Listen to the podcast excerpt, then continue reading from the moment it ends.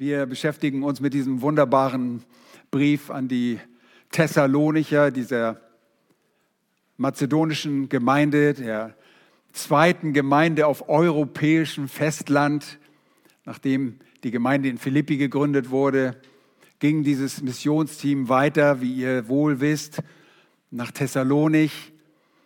Und dort werden Grundlagen gelegt. Als Männer haben wir heute in der Männerstunde darüber gesprochen, dass die Gemeinde, dass wir auf der Grundlage der Apostel und Propheten erbaut sind, wo selbst Christus der Eckstein ist. Im Epheserbrief nachzulesen, Kapitel 2 und Vers 20. Und so war es tatsächlich.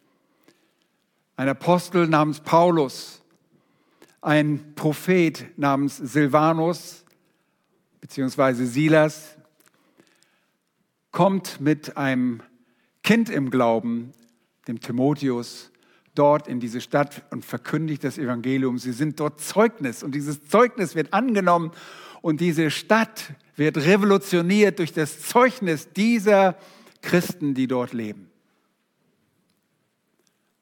Die Thessalonicher wendeten sich ab, wie es heißt in der Schrift, von ihren Götzen, um den wahren, den lebendigen Gott, den, den lebendigen Gott zu dienen. Die Thessalonicher waren erfüllt mit Freude, dass sie dem lebendigen Gott dienen konnten, aber das ging nicht ab ohne Widerstand.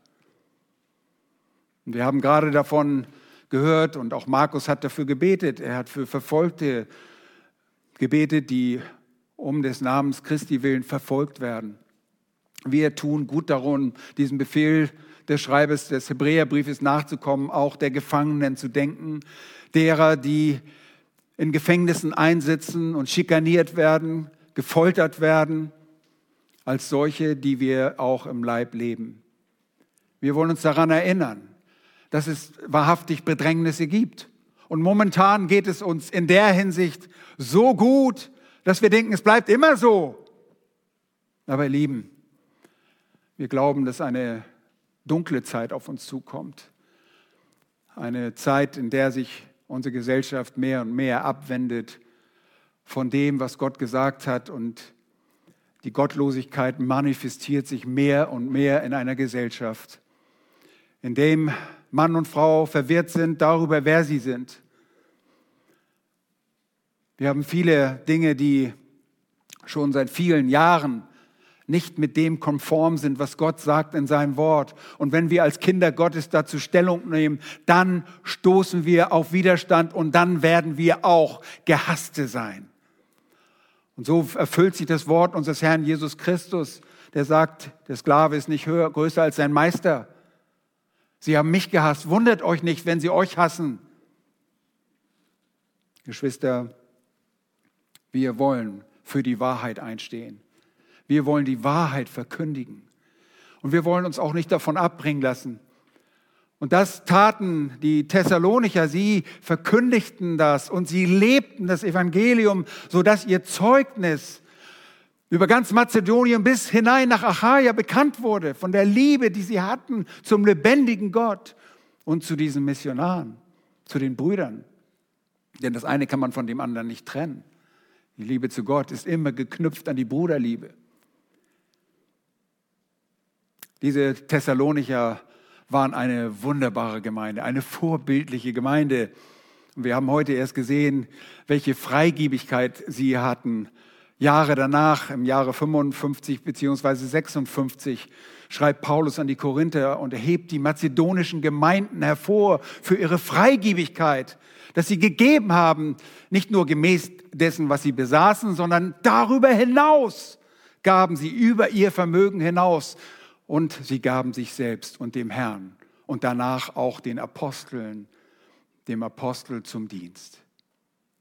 Eine wunderbare Gemeinde, die fest war, die gut belehrt war. In den wenigen Monaten, in denen dieses Missionsteam dort war, wurden sie wirklich gründlich und sehr gut belehrt. Und wisst ihr, eine Lehre blieb besonders gut haften. Und es ist immer so bei Menschen, die um des Namens Jesu willen verfolgt werden, die lieben diese Lehre, die Endzeitlehre, das Eskatologische, was kommen wird. Jemand, der zufrieden ist in dem Hier und Jetzt, der möchte sich bequem machen, der möchte nicht an die Zukunft denken. Aber jemand, dem es nicht gut geht, der bedrängt wird, der leidet, der hat seine Hoffnung auf Christus gesetzt und freut sich auf das, was kommt. Das hat uns die Erfahrung gezeigt in der Geschichte, dass Menschen sehr gerne gehört haben über das, was kommen wird. Und so wurden die Thessalonicher schon von vornherein wunderbar belehrt von diesen Männern. Und sie waren nicht im Dunkeln. Nun gab es dennoch ein paar Dinge, die, sie an, die angesprochen werden mussten. Und das ergab sich aus ihrer notvollen Situation. Nun, unser Predigttext heute ist aus 1. Thessalonicher Kapitel 5, die Verse 4 bis 11. Und wir haben in diesem Brief gesehen, dass Paulus eine Sache mit seinen Geschwistern ansprechen musste. Und zwar ging es darum, dass sich die Thessalonicher gefragt haben, was ist eigentlich mit denen, die in Christus jetzt schon gestorben sind? Die Thessalonicher hatten eine Nahzeiterwartung und äh, sie glaubten, dass der Herr ist, im Begriff war, wiederzukommen und dass sie, wenn sie leben, ihm entgegengerückt werden würden. Aber was war jetzt mit denjenigen, die, ich mache nichts, bin unschuldig?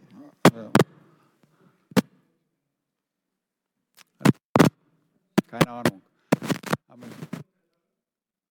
Ich habe keine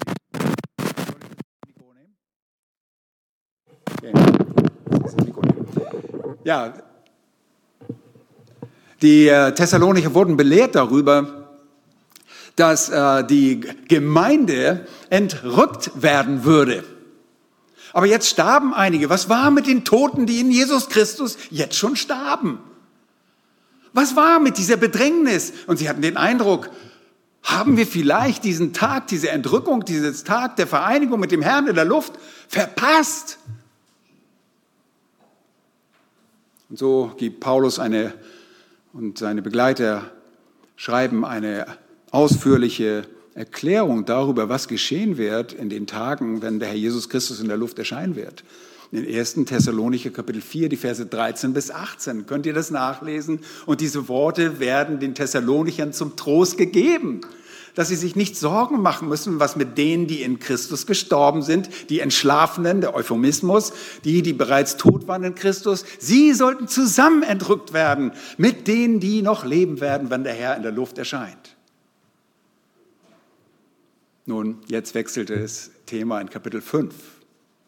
Sehr deutlich, vor allen Dingen im Griechischen zu erkennen, es kommt zu einem neuen Thema, wo diese Brüder sagen, wisst ihr, von diesen Zeiten und den Ereignissen, die Ereignisse, die kommen werden bezüglich des Tages des Herrn, das müsst ihr nichts wissen. Das betrifft euch nicht. Erinnert ihr euch an die letzte Predigt? Meine Predigt heute wird da fortsetzen, wo wir aufgehört haben. Es ging darum, dass wir uns nicht durch Bedrängnisse des Verstandes berauben lassen. Lass dich durch Bedrängnisse nicht um deinen Verstand bringen. Nun, die Thessalonicher, sie waren bedrängt. Sie waren stark bedrängt, ähnlich wie die Gemeinde in Philippi. Auch sie lebten Bedrängnisse. Sie lebten, erlebten Bedrängnisse aufgrund ihres Zeugnisses. Und sie glaubten, haben wir vielleicht diesen Tag der Entrückung verpasst und sind jetzt in den Tag des Herrn hineingeraten? Diesen Tag des Zorns, und ihr erinnert euch darum, ich kann das jetzt nicht alles wiederholen, das ist der Tag des Zorns, der zu, dem, zu der Nacht gehört. Sind wir dort hineingeraten? Und da macht Paulus Folgendes klar. Paulus ist ganz offensichtlich der Schriftführer, denn er ist der Apostel sein Wort ist das Wort Gottes. Das hatten die Thessalonicher sehr wohl, wohl erkannt. Er macht ihnen sehr klar, Leute, euch kann dieser Tag überhaupt nicht überraschen, wie ein Dieb in der Nacht, dass er euch überraschen könnte, denn ihr gehört nicht zur Nacht. Erinnert euch an die letzte Predigt? Ihr seid Kinder des Lichts. Und das Licht ist der Tag. Ihr gehört nicht zur Finsternis, sondern vielmehr wurden wir durch den Herrn Jesus Christus herausgerufen und hineingesetzt in das Reich des Sohnes seiner Liebe, aus der Finsternis hinausgerufen und in das Reich des Lichts gesetzt. Nun, dieser Tag der Finsternis, er kann uns nicht erschrecken. Und Paulus macht das deutlich und ich lese jetzt vor, dieser, vor der Predigt den Text noch einmal von Kapitel 5, Verse 1 bis 11. Folgt mir, wenn ihr das könnt, in euren eigenen Bibeln. Von den Zeiten und Zeitpunkten aber braucht man euch Brüder nicht zu schreiben. Denn ihr wisst ja genau, dass der Tag des Herrn so kommen wird wie ein Dieb in der Nacht. Wenn sie nämlich sagen Friede und Sicherheit, dann wird sie das Verderben plötzlich überfallen wie die Wehen eine schwangere Frau und sie werden nicht entfliehen. Und jetzt der Predigtext von Vers 4, Teil 2 bis 11. Ihr aber, Brüder, seid nicht in der Finsternis, dass euch der Tag wie ein Dieb überfallen könnte. Ihr alle seid Söhne des Lichts und Söhne des Tages. Wir gehören nicht der Nacht an, noch der Finsternis. So lasst uns auch nicht schlafen wie die anderen, sondern lasst uns wachen und nüchtern sein, denn die schlafen, schlafen bei Nacht und die Betrunkenen sind bei Nacht betrunken. Wir aber, die wir dem Tag angehören, wollen nüchtern sein und angetan mit dem Brustpanzer des Glaubens und der Liebe und mit dem Helm der Hoffnung auf das Heil. Denn Gott hat uns nicht zum Zorngericht bestimmt, sondern zum Besitz des Heils durch unseren Herrn Jesus Christus, der für uns gestorben ist, damit wir, ob wir wachen oder schlafen, zusammen mit ihm leben sollen. Darum ermahnt oder ermutigt einander und erbaut einer den anderen, wie ihr es auch tut. Lass dich nicht durch Bedrängnisse um dein Verstand bringen. Das ist das Thema. Und wir haben uns letztes Mal angeschaut, geschaut, dass wir verstehen müssen, zu wem wir gehören. Wir gehören zum Tag. Wir gehören das Licht. Wir gehören unserem Herrn an. Wir gehören nicht zur Nacht. Und weil dem so ist, so kann dieser Tag des Wolkendunkels, der für die Kinder des, der Nacht bestimmt ist, uns auch gar nicht treffen, weil wir gar nicht da sind. Wir sind schon herausgenommen worden. Erinnert ihr euch im Alten Testament, ähnlich wie an Henoch, der wandelte mit dem Herrn und auf einmal war er nicht mehr gesehen, denn der Herr hatte ihn herausgenommen aus dieser Welt. So werden wir Kinder Gottes vor dem großen Tag des Zornes, des Tag des Verderbens, der Tag der Rache, des Vertilgens der Gottlosen herausgenommen. Also, verstehe deine Zugehörigkeit. Mein zweiter Punkt ist, verstehe deine Berufung. Und das geht sehr, steht alles beides nah nebeneinander, ist praktisch synonym damit, aber betont etwas anderes. Verstehe deine Zugehörigkeit und jetzt verstehe deine Berufung. Was ist unsere Berufung? Was ist Berufung? Hey, ja, ich weiß, du bist zum Prediger berufen. Ja, man kann zu Diensten berufen werden, aber hier spricht es von einer anderen Art Berufung. Ich meine eine andere Art Berufung. Die Thessalonicher wurden zur Rettung, zum Heil berufen, bestimmt und berufen. Ihre Berufung war, wie die Berufung jeder Christen, eine wirksame Berufung. Denn sie waren Auserwählte von Vorgrundlegung der Welt. Und ich möchte das nicht entschuldigen, dass ich das verkündige, denn das sagt die Schrift. Aber ich weiß, dass manchmal damit Menschen Schwierigkeiten haben. Dass Gott etwas vor Grundlegung der Welt bestimmt hat? Ja, ganz, ganz gewiss, das hat er. Sonst könntet ihr niemals die Bibel lesen und sagen, das wird eines Tages eintreffen. Wenn Gott das nicht bestimmt hat, dass es eintrifft, dann wird das nie eintreffen. Dann müssen wir immer ein Ratespiel machen. Schafft Gott das wirklich? Schafft er das? Schafft er das nicht? Wisst ihr was? Gott hat Sachen bestimmt. Er hat Menschen auserwählt, die er retten würde. Und ihr Lieben, das Geheimnis dabei ist, dass du, wenn du dich entschuldigen willst, entschuldigen willst, nicht sagen kannst, ja, ich kann nicht glauben, ich bin ja nicht auserwählt. Du wirst in die Hölle gehen, weil du dich nicht für Jesus entscheidest, weil er sagt, kommt her, die ihr müde, selig und beladen seid. Kommt zu mir. Er bietet es dir an. Du gehst nicht in die Hölle, weil du nicht erwählt bist, sondern weil du Christus ablehnst. Deshalb. Ihr Lieben, die Berufung war eine spezielle Berufung bei den Thessalonichern, die zum Heil führte, nicht lediglich zu einem allgemeinen Evangeliumsruf. Erinnert ihr euch an die Worte Jesu? Ich glaube, das war bei dem äh, Gleichnis vom königlichen Hochzeitsmahl. Da sagt er am Ende, ja, viele sind berufen, aber nur wenige sind auserwählt. Matthäus Evangelium dort in Kapitel 22, denke ich, ist das. Dort viele Menschen werden aufgerufen, dem Weg Gottes zu folgen. Wir rufen auf, kehrt um, glaubt an den Sohn, Gott, Sohn Gottes, der für deine Sünde gestorben ist. Wir rufen Menschen auf, wir verkündigen das Evangelium auf der Straße, wir verkündigen Menschen, denen wir begegnen, das Evangelium. Sie sind berufen mit einer allgemeinen Berufung, aber das ist keine Berufung notwendigerweise zum Heil. Die Thessalonicher, sie waren zum Heil berufen. Nur die Auserwählten Gottes sind zum Heil berufen. Deshalb die Berufung der Thessalonicher war eine, man spricht von einer wirksamen Berufung. Wahre Christen erleben immer eine wirksame Berufung. Und diese Berufung geht der Rechtfertigung voraus. Es ist, ich möchte jetzt nicht zu theologisch werden, aber es ist etwas, was Gott bestimmt hat. Er beruft und er wird es durchführen.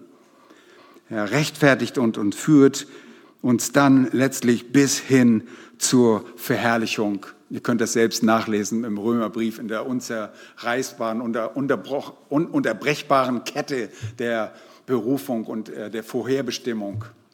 Dort in Römer Kapitel 8.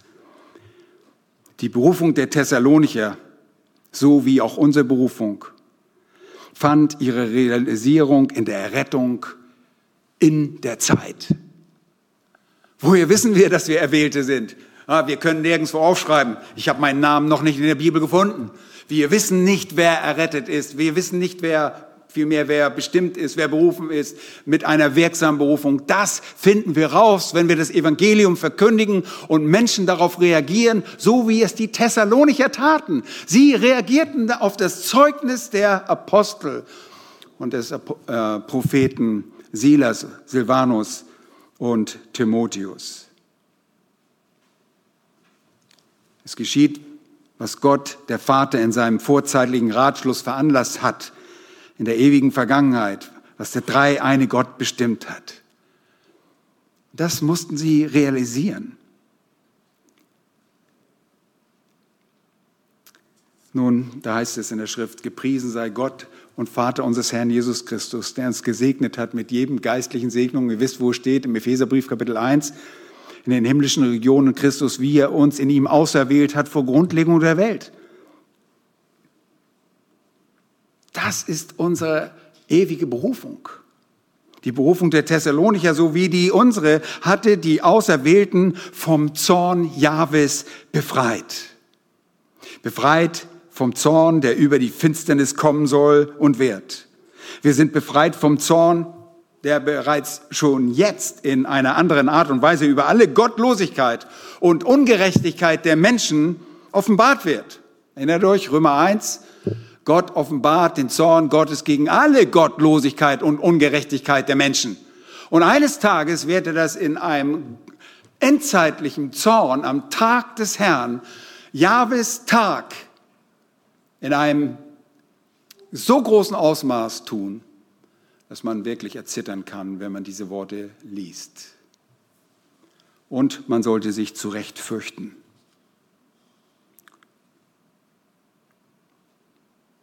Wir sind vom Zorn befreit, weil wir erstens wozu gehören? Zum Tag. Und jetzt lasst uns in den Text schauen. Da heißt es, ich lese nochmal von Vers 4. Ihr aber Brüder seid nicht in der Finsternis, dass euch der Tag wie ein Dieb überfallen könnte. Wenn du gar nicht da bist, kann er dich auch, auch nicht überfallen. Ihr alle seid Söhne des Lichts und Söhne des Tages. Wir leben am Tag, wir gehören nicht zu der Nacht und wir gehören der Nacht, nicht der Nacht an, noch der Finsternis. So lasst uns nicht schlafen wie die anderen. Wer sind die anderen? Das sind die Gottlosen, die zur Nacht gehören, sondern lasst uns wachen. Ich komme gleich dazu. Denn die Schlafenden schlafen bei Nacht und die Betrunkenen sind bei Nacht betrunken. Jetzt aber, achtet mal auf Vers 8. Wir aber, die wir dem Tag angehören, wollen nüchtern sein, angetan. Womit sind wir angetan? Angetan mit dem Brustpanzer des Glaubens und der Liebe. Oder ihr kennt den Brustpanzer schon aus Epheser 6. Aber hier ist ein anderer Brustpanzer, ein, das Bild nochmal auf eine andere Art und Weise gebraucht. Der Brustpanzer, ein Brustharnisch, ist, eine, ist ein, ein, ein Kleidungsstück eines römischen Soldaten, der den Oberkörper vor tödlichen Verletzungen bewahrt. Ihr Lieben, wir, die wir erwählt sind, die wir zu Gott gehören, die wir zum Tag gehören, wir sind angetan mit dem Brustpanzer des Glaubens. Wir glauben. Und nur weil wir glauben, ihr Lieben, nur weil wir glauben, sind wir Gerettete. Wir sind gläubig und wir vertrauen dem Wort Gottes. Und dieser Glaube, so wie die Liebe, die an diesen Glauben geknüpft ist, Glaube ohne diese Liebe ist kein wahrer rettender Glaube. Das Glauben tun auch die Dämonen und sie zittern, aber die lieben Gott nicht. Glaube und Liebe gehört immer zusammen und das war etwas, was sich in den Thessalonichern manifestiert hatte. Sie hatten Glaube und dieser Glaube war ein echter Glaube, denn er brachte Werke hervor. Paulus dankt Gott dafür, unablässig.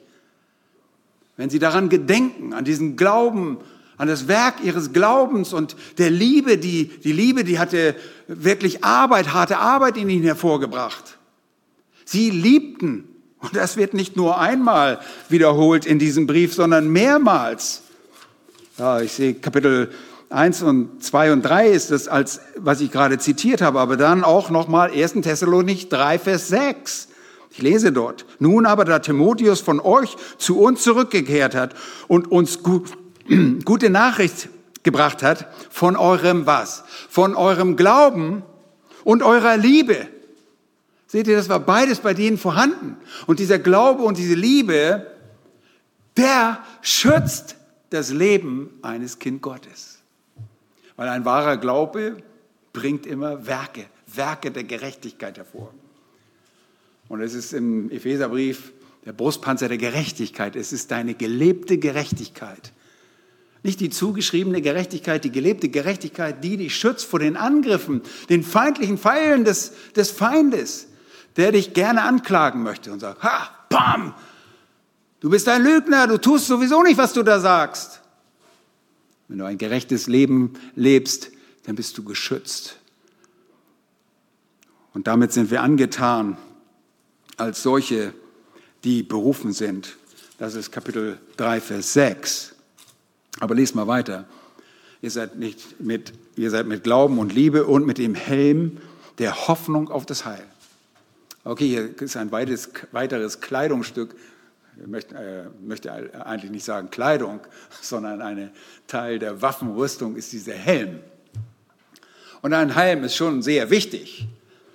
Und wenn dieser Sklave des äh, hohen Priesters im Garten Gethsemane einen Helm getragen hätte, wäre sein Ohr noch dran gewesen und Jesus hätte das nicht mehr heilen können, als Petrus zuschlug. Dieses, dieser Helm, der bewahrt den Kopf der Kopf, der so wichtig ist, dass er nicht zertrümmert wird durch das Zuschlagen mit einem Schwert oder was auch immer, mit einem Knüppel. Der Helm ist der Helm der Hoffnung auf das Heil. Ihr Lieben, wenn wir die Hoffnung auf unser Heil, auf unser zukünftiges Heil nicht hätten, wir besitzen jetzt das Heil, aber wir haben auch Hoffnung auf eine endgültige Erlösung. Und auf diese endgültige Lösung sind wir versiegelt worden mit dem Geist. Gottes. Epheser 1 macht das sehr deutlich. Wir sind versiegelt mit dem Geist auf die Erlösung, auf die endgültige Erlösung. Da kommen wir an. Da, wo Christus uns haben will, da kommen wir an. Und das ist gleichsam wie ein Helm, wenn wir durchs Leben gehen. Du stehst in diesem Kampf und das impliziert das auch. Hier wird Teil der Waffenrüstung eines römischen Soldaten angeführt. Leute, wir sind belehrt und diese Belehrung zeigt uns, dass wir geschützt sind. Wir brauchen nur zurückgehen und glauben und sagen, Moment, Der Teufel kommt und greift mich an. Hier sind Bedrängnisse. Gott hat mich wohl vergessen. Vielleicht ist der Tag des Herrn schon angebrochen und ich bin. Genau so dachten die Thessalonicher. Schlagt einmal auf, Kapitel äh, 2. Thessalonicher 2. Wir werden im Anschluss an den ersten Thessalonicher Brief auch den zweiten auslegen. Deshalb nur ein kurzes Vorab, damit wir erkennen, was die Thessalonicher bewegt hat. Bewegt hat. Da sagen die Schreiber, und das ist wieder Paulus mit seinen Begleitern, wir bitten euch, ihr Brüder, wegen der Wiederkunft oder der Ankunft der Parosie steht da, unseres Herrn Jesus Christus und unserer Vereinigung mit ihm, das ist die Entrückung, lasst euch nicht so schnell in eurem Verständnis, in eurem Verstand erschüttern oder gar in Schrecken jagen. Weder durch einen Geist, noch durch ein Wort, noch durch einen angeblich von uns stammenden Brief, als wäre der Tag des Herrn, die besseren Manuskripte, die Skripte haben dort Tag des Herrn, nicht Tag des Christus, als wäre der Tag des Herrn schon da. Der Tag des Herrn ist nicht da. Und jetzt gibt er Ausführungen, warum der Tag des Herrn noch nicht da war. Aber das gucken wir uns später an. Sie waren durcheinander. Sie haben sich in Schrecken jagen lassen. Sie haben sich in ihrem Verständnis erschüttern lassen. Bitte, Lasst euch nicht durch Bedrängnisse in eurem Verstand um euren Verstand bringen. Beachtet, zu wem ihr gehört und dass ihr berufen seid. Und da kommen wir jetzt hin. Schaut in Vers 9, denn Gott hat uns nicht zum Zorn oder Zorngericht bestimmt, sondern zum Besitz des Heils durch unseren Herrn Jesus Christus. Und jetzt kommt einfach ganz kurz, wie das geschehen ist durch wen? Durch Jesus Christus, der für uns gestorben ist. Da ist alles drin. Der für uns gestorben ist. Da steht nicht, der für uns getötet wurde. Das wurde er, wurde getötet, aber Jesus hat sein Leben selbst aufgegeben für uns. Er ist gestorben, weil er seinen Geist aufgab für uns. Erinnert euch, Pilatus war äh, überrascht, dass er schon tot war. Dem anderen wurden die Beine, den anderen Verbrechern rechts und links von Jesus wurden die Beine gebrochen. Jesus war bereits tot, weil Jesus seinen Geist aufgegeben hatte. Er starb für uns, stellvertretend, für uns Sünder. Und das Evangelium war natürlich den Thessalonichern wohl bekannt. Jesus starb für uns, damit wir Vergebung haben, aber wie ich schon vorhin auch im Gebet andeutete, es ist nicht nur Vergebung. Wir brauchen nicht nur Vergebung. Es reicht nicht nur, wenn dir vergeben ist, du brauchst auch eine positive Gerechtigkeit. Und das alles tat Jesus. Denn er starb, obwohl er ein gerechtes Leben geführt hat. Und durch den Glauben wird uns seine Gerechtigkeit zugeschrieben. Dass du vom Vater stehen kannst und der, der Vater sieht die Gerechtigkeit seines Sohnes in dir, weil dich Jesus Christus mit seiner Gerechtigkeit bekleidet hat. Seht ihr, wir sind berufen und bestimmt zum Besitz des Heils, der Errettung, nicht zum Zorn. In der ewigen Vergangenheit, als der Vater seinem Sohn eine Braut erwählen wollte, da stand eins fest. Würde sich eine Menschheit erretten, die er zurüsten würde, damit sein Sohn eine geschmückte Braut, eine vorbereitete Braut in Empfang geht. Nicht eine Braut, in der er seinen eigenen Zorn loslässt. Wie widersinnig ist das? Wir sind nicht zum Zorn bestimmt. Der Zorn liegt auf ihm, auf das wir Frieden hätten. Die Strafe liegt auf ihm. Wir haben Frieden. Das ist die Botschaft des Evangeliums. Und das verstanden die Thessalonicher sehr wohl. Und dann heißt es, damit wir, ob wir wachen oder schlafen, zusammen mit ihm leben sollen. Wir sind zum Leben bestimmt und nicht zum Tod. Und der zweite Tod, ihr Lieben, das ist die ewige Gottesferne. Dafür sind wir nicht bestimmt. Wir sind nicht zum Verderben bestimmt. Und das sollte uns wirklich ermutigen. Und wir müssen unseren Verstand belehren, besonders in schwierigen Zeiten, wenn wir bedrängt werden. Dann denkt man, oh, was habe ich getan? Hat Gott irgendwas? Oh, mir wird so warm. Und was ist passiert? Bleibt nüchtern. Schaut mal. Und das gehört schon Ein Schritt weiter, ich bin schon einen Schritt voraus, aber das muss ich auch tun, denn ich rede wieder zu viel. Ich, äh, ich muss euch sagen, wir haben Vorrechte, die drittens ist, verstehe deine Vorrechte, deine Privilegien, verstehe deine Zugehörigkeit, verstehe deine Berufung und dann verstehe deine Vorrechte, deine Privilegien. Was sind diese Privilegien? Deine Privileg ist, du gehörst zum Tag und du bist wach. Du solltest wach sein. Du sollst nicht schlafen wie die anderen. Schaut nochmal zurück, wir gehen wieder zurück im Text. Das ist hier wieder der, wie eine, auf einer Achterbahnfahrt, wir hin und zurück. Ihr alle seid Söhne des Lichts und Söhne des Tages. Wir gehören nicht der Nacht an. So lasst uns auch nicht was? Schlafen. Lasst uns nicht schlafen wie die anderen. Wer schläft? Die zur Nacht gehören. Kinder, was machen wir in der Nacht? Wir schlafen gewöhnlich. Das ist ein Truismus. Äh, ich weiß, einige zocken nachts, aber nein, das ist das, was in die Nacht gehört, ist, wir schlafen in der Nacht. Und das tun die anderen, aber hier ist ein metaphorisches Bild, ein bildlicher Ausdruck. Sie sind nicht aufmerksam. Sie werden deshalb auch eines Tages von diesem Tag, von diesem Zorn überrascht werden. Wenn sie denken, alles geht normal weiter. Und ihr erinnert euch an die Worte aus dem Matthäus-Evangelium, als Jesus sagt, es wird Zeit wie zu Noahs Zeiten, sie werden heiraten und sie werden sich verheiraten lassen. Nicht schlimm dabei. Aber sie werden so tun, als wenn nichts los ist. Einfach ihren gewöhnlichen Tagen nachgehen. Auf einmal ist es da. Und der Zorn Gottes wird ausgegossen werden. Ihr Lieben, lasst uns wachen. Und jetzt fragst du, wenn das mich ja gar nicht betrifft, warum soll ich denn noch wachen? Wenn, wenn ich sowieso nicht diesen Dieb erlebe der, oder diesen Tag des Herrn, der in der Nacht kommt, warum soll ich denn noch wachen?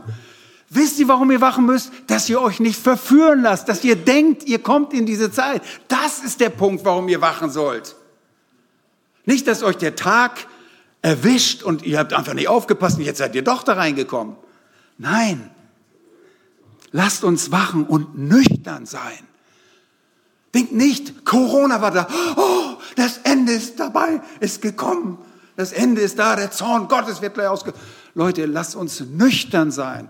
Und hier ist das Wort im Gegensatz zu betrunken sein. Da steht, die Schlafenden schlafen bei Nacht und die Betrunken sind, sind betrunken bei Nacht. Das ist ein Truismus, das ist eine generelle Wahrheit. Menschen betrinken sich meistens in der Nacht. Wenn keiner das mitkriegt, dann trinken sie einen über den Durst und schlafen den nächsten Morgen ihren Rausch aus. Das ist ein Truismus.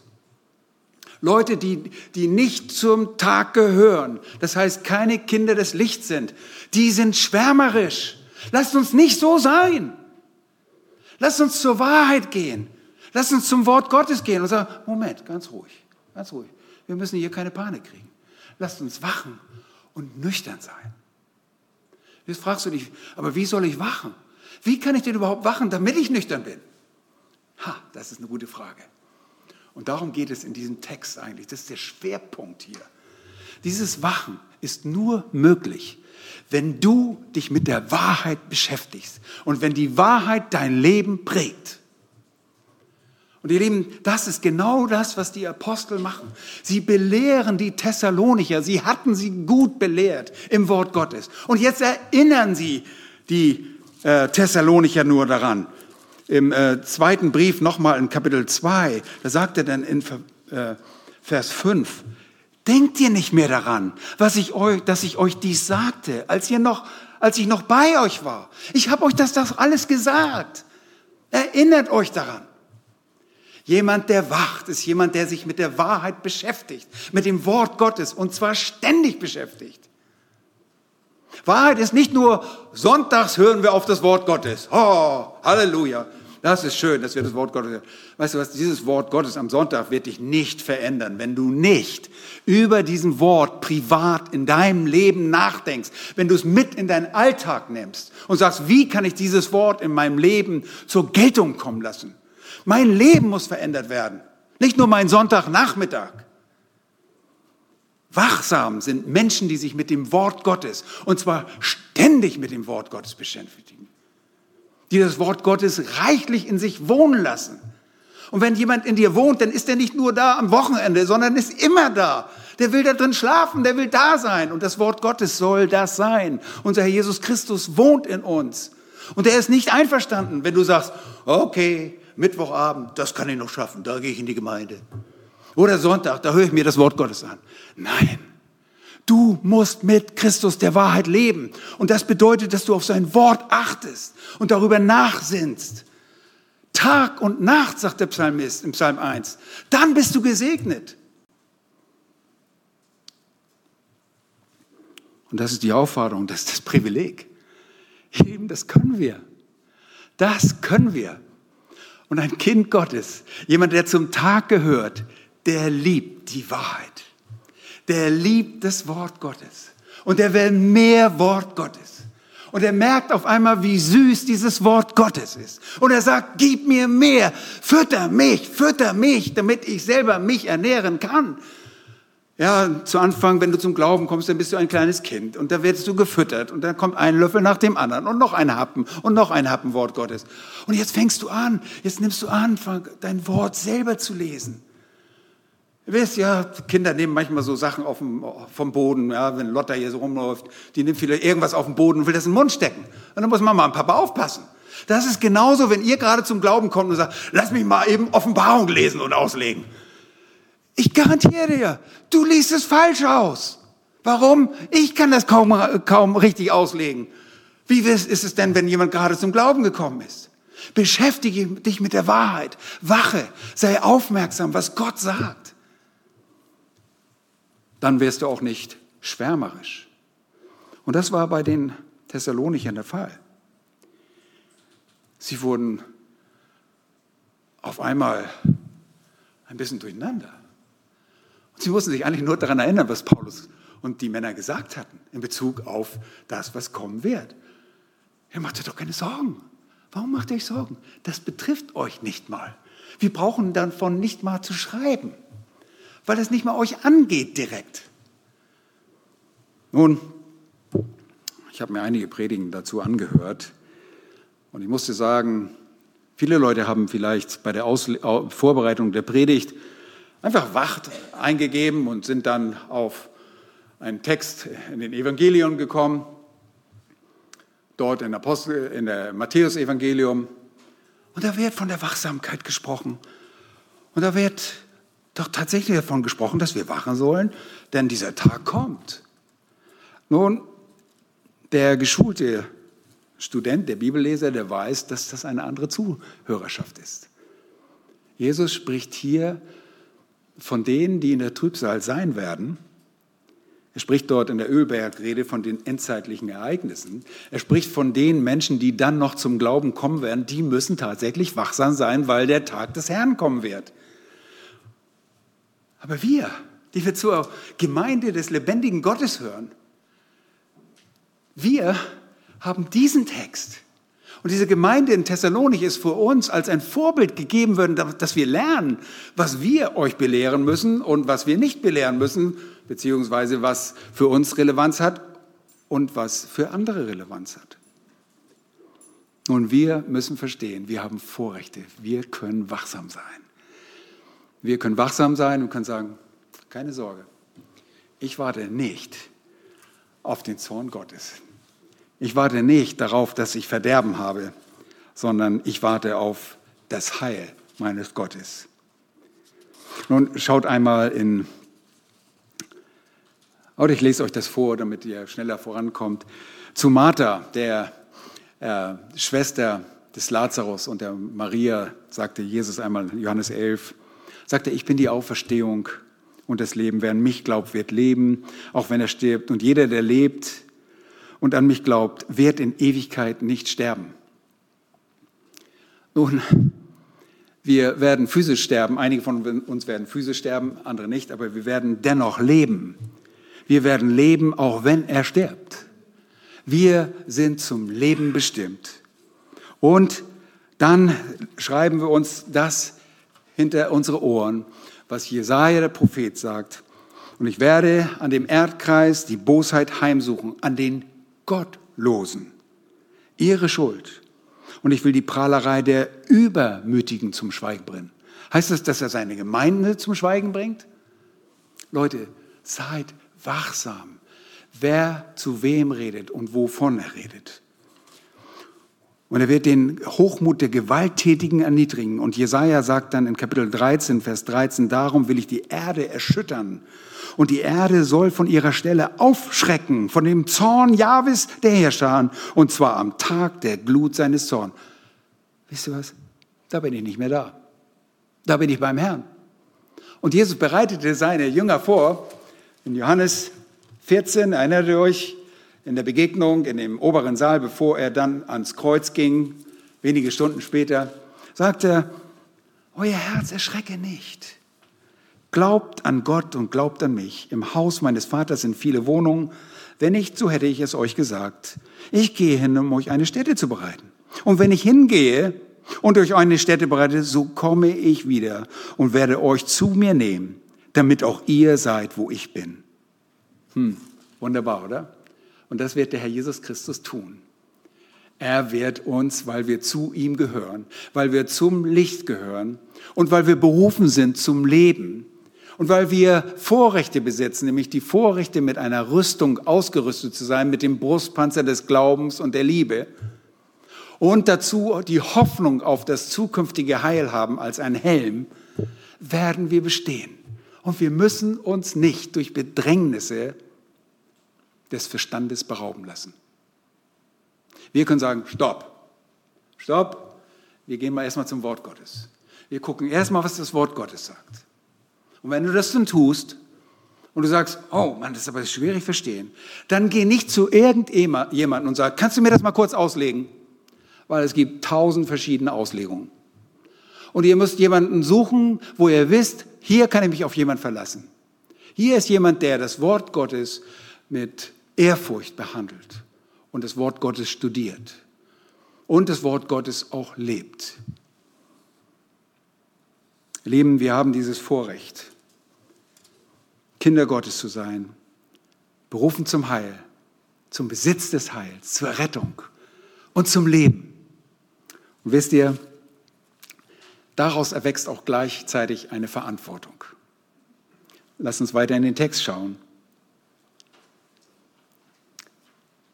Wir werden leben, übrigens, das lass mir noch sagen, Vers 10, wenn ihr dort sagt, der, äh, wenn ihr dort seht, der für uns gestorben ist, damit wir, ob wir wachen oder schlafen.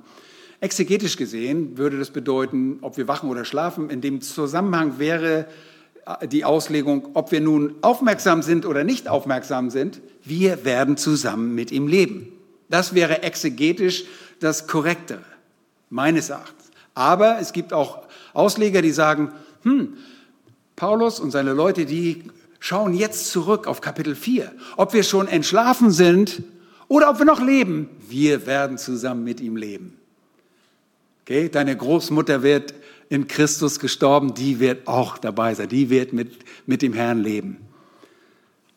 Aber hier sind genau die Wörter, die auch in Vers 6 gebraucht worden sind.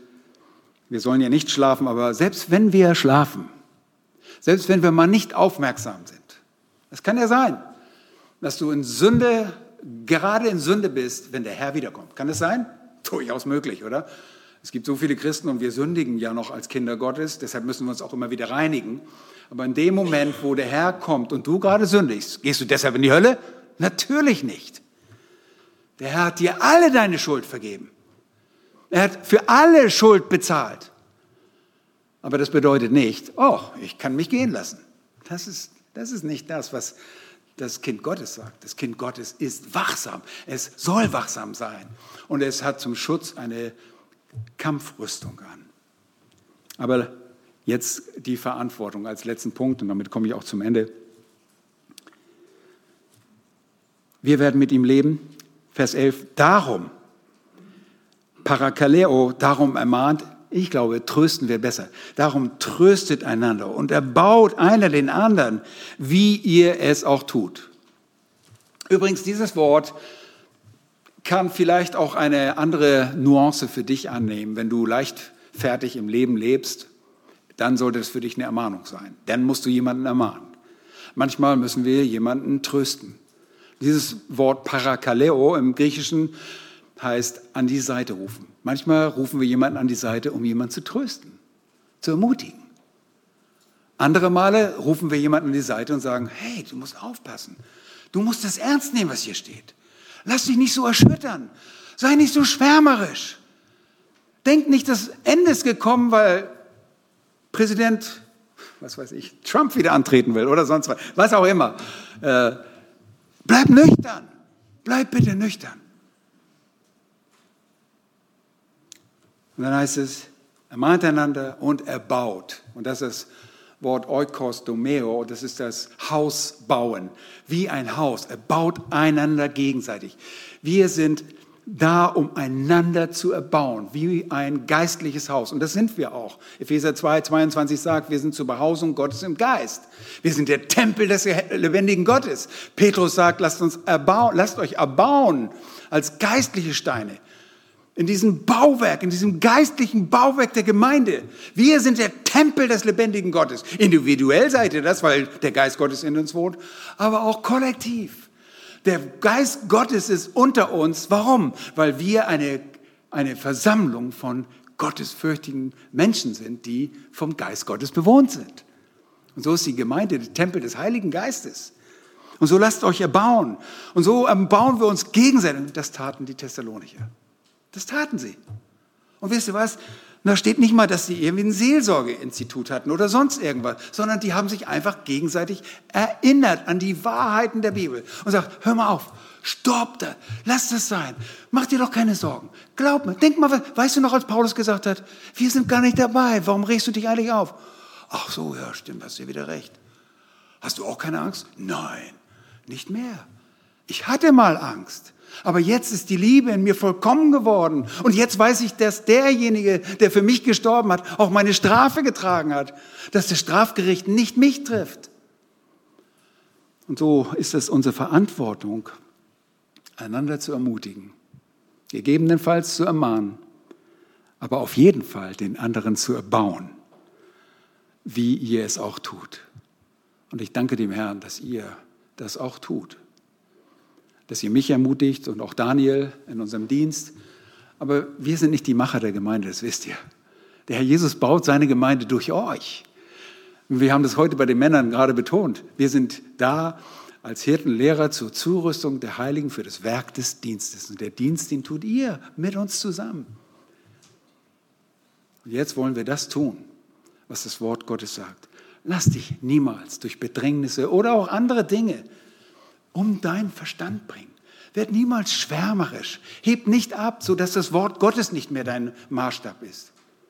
Ich kann das sagen in meinem Leben. Ich bin dann, wenn ich schwärmerisch oder gefühlsmäßig wurde, habe ich garantiert schräg, war ich in der Schräglade. Habe ich gesündigt. Und das ist nicht richtig. Dann musst du umkehren. Wenn du in einer emotionalen Schräglage bist oder auch Angst und wenn du dich bedrücken lässt, dann tu Buße. Alle eure Sorge werfet auf ihn. Und wisst ihr, der Teufel geht umher wie ein bullender Löwe und deshalb seid wachsam. Seid wachsam im Wort Gottes. Beschäftigt euch mit dem Wort Gottes. Tag ein und Tag aus. Nimmt einen Gedanken des Wortes Gottes mit in die Woche. Denkt darüber nach, sinnt darüber nach und gebt Gott die Ehre dafür. Amen. Herr, wir danken dir von ganzem Herzen dass du uns dieses Wort in Bezug auf die Zukunft gegeben hast. Herr, dass wir uns nicht Sorgen machen müssen über irgendein schreckliches Zorngericht, das wir erleben müssen. Herr, wir sind auch zur, zum Leid bestimmt. Herr, du hast uns das Vorrecht gegeben, nicht nur an dich zu glauben, sondern auch für dich zu leiden, so wie die Philipper das auch hörten und erlebten, so wie die Thessalonicher das erlebten. Sie hatten viel Bedrängnis. Aber hilft es niemals Bedrängnis uns, irgendwo aus der Fassung bringt, sondern dass wir festhalten an dem, was geschrieben steht. So wie du es uns vorgelebt hast. Du hast gesagt, es steht geschrieben. Es steht geschrieben. Wir halten an deinem Wort fest. Hilf, dass wir das auch in einer ermutigenden und ermahnenden Art und Weise gegenüber unserem Nächsten tun, dass wir einander erbauen, dass wir uns selbst auch erbauen lassen als lebendige Steine in diesem wunderbaren Bau deiner Gemeinde. in der du die Ehre bekommst, in der du verherrlicht werden sollst, in der deine Weisheit zum Ausdruck kommt. Das ist unser Wunsch.